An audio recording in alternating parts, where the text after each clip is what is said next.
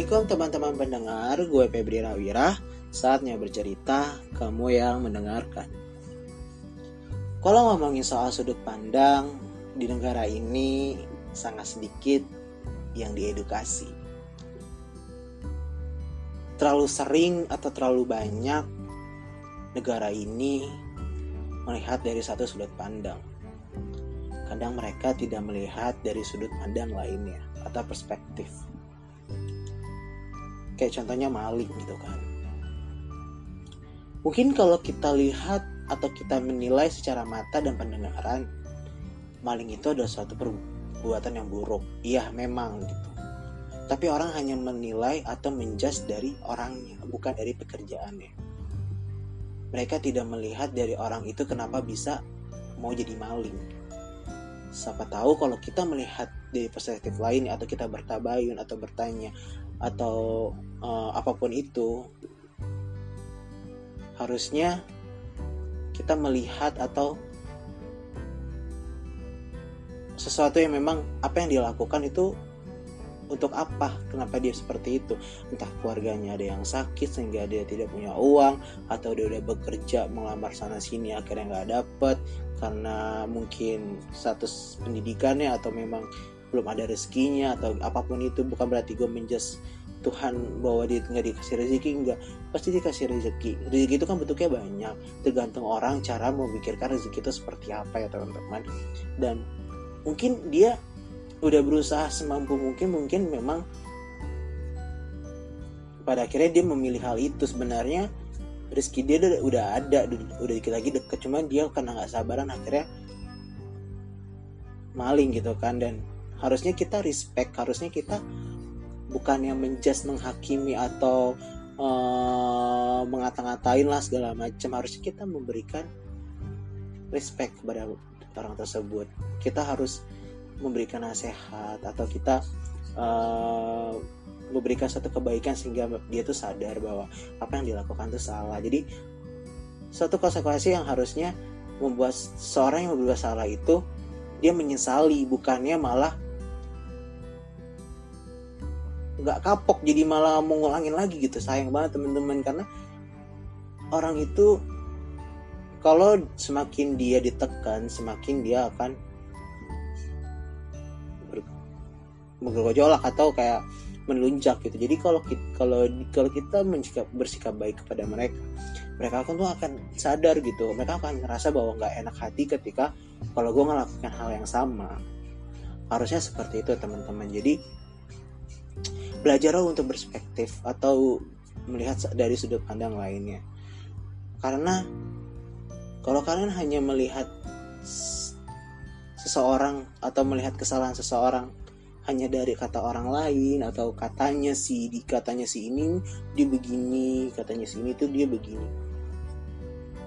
Belajarlah untuk bertabayun bertanya buat apa? Kalian punya otak punya pikiran tapi kalian nggak pernah melihat dari kenapa kalian nggak gunain pikiran itu gitu. Maksudnya kalian nggak melihat sebuah kebenaran maksudnya perspektifnya orang gitu kan. Siapa tahu ya kita nggak tahu ya. Maksudnya gini kalau kita udah bertanya bertabayun kepada orangnya langsung kalau dia mau bohong mau enggak itu kan urusan dia dengan Tuhan ya. Ya kan dan nggak ada kata fitnah dalam diri kita. Kan kita udah bertabayun langsung orangnya langsung. Tapi kalau kita ngomong ke orang ke orang lain atau ke saudaranya yang memang sebenarnya bisa aja melebih lebih lebihkan cerita dia dosa kita pun juga dosa yang dengerin gitu. Karena jatuhnya fitnah. Jadi teman-teman harus bisa belajar untuk memahami namanya sudut pandang. Kita sebagai manusia harusnya bisa memahami hal tersebut gimana nih kalau misalkan kalian ngalamin hal yang sama di fitnah orang lain? Pasti sakit hati pasti marah kesel. Begitupun juga orang yang digituin teman-teman. Harusnya kalian bisa lah untuk saling bertanya. Bukan berarti dalam ranah kepo ya tapi gini bertanya yang baik bertanya untuk maaf. Tidak menimbulkan fitnah. Jadi segala sesuatunya tuh harus dipertanyakan. Dan teman-teman kayak contohnya gitu. Ada teman kalian yang katanya begini begini begini. Yang katanya nusuk lo dari belakang misalkan gitu. Padahal dia membicarakan lo hanya sebuah keresahan misalkan gitu. Hanya resah ketika dia ngelihat kayak uh, si misalkan si uh, gue nih Febri gitu. Si Febri tuh terlalu marah-marah gitu gue kesel deh gitu. Itu kan keresahan kan. Dalam dalam konteks ya dia mau mencurahkan gue tapi nggak bisa gitu kan nggak enak gitu kan.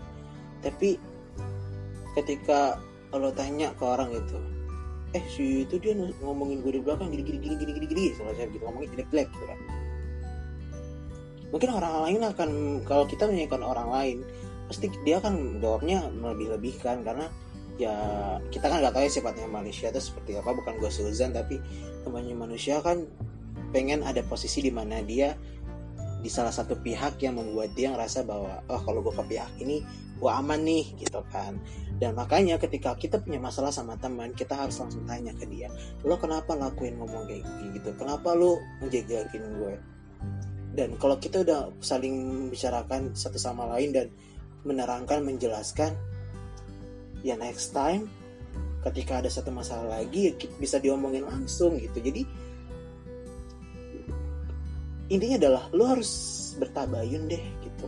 Nggak usah dengerin apa kata orang gitu. Uh, orang ngomong begini uh, lo percaya orang ngomong gini percaya. Makanya gue selalu gue pernah kejadian kayak uh, punya salah satu dulu teman sekelompok atau lingkungan yang memang selalu menggibah atau ngomongin begini begini begini. Ya gue sebagai dulu ngerasa kalau gue ngerasa nih kayak gue butuh perlindungan nih gue butuh pihaknya dia biar gue nggak diomongin gitu kan pasti gitu. Ya pada ujungnya juga mungkin juga gitu karena kita kan nggak tahu orang tuh seperti apa. Udah dari situlah gue ngerasa bahwa kayak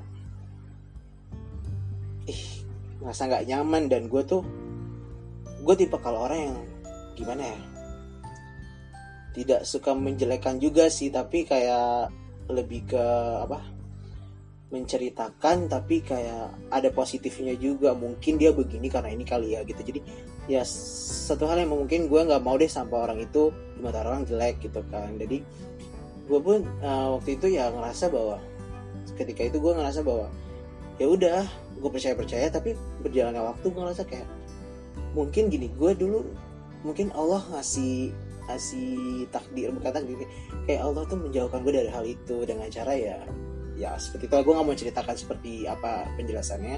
Akhirnya gue dikeluarkan dan yang mungkin oh baiknya Allah gue menjauhkan dari orang-orang yang sebenarnya tidak baik gitu. Dan belajar gue untuk lo harus uh, melatih diri gue untuk selalu berperspektif dari orang.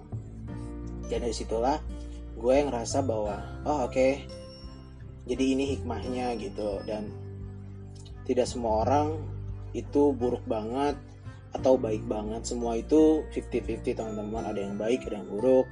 Dan kalau baik pun kita tidak harus melihat dari dia benar-benar. Kadang banyak orang yang berbuat baik. Maksudnya di depan kita dia baik ternyata penipu misalkan gitu. Atau uh, ternyata uh, maling atau apa nggak tahu deh ya teman-teman. Maksudnya bahasa kasarnya kayak gitu. Tapi ada juga teman-teman kita yang terlihat buruk atau suka misalkan uh, terlihat bandel lah pakai tato atau apa tapi sebenarnya mereka punya jiwa penolong gitu. Dan mereka tuh uh, sebenarnya hatinya lembut atau baik banget atau mungkin segala sesuatu yang memang terlihat buruk tapi sebenarnya enggak gitu. Gue punya satu quotes yang memang gue dapetin. Quotes ini uh, selalu gue tanamin itu suatnya Sayyidina Ali. Gue selalu selalu cantumin kos ini di mana pun di sosmed gue pernah di Instagram juga di aplikasi dating. Gue pernah naruh kos ini yang penjelasannya seperti ini.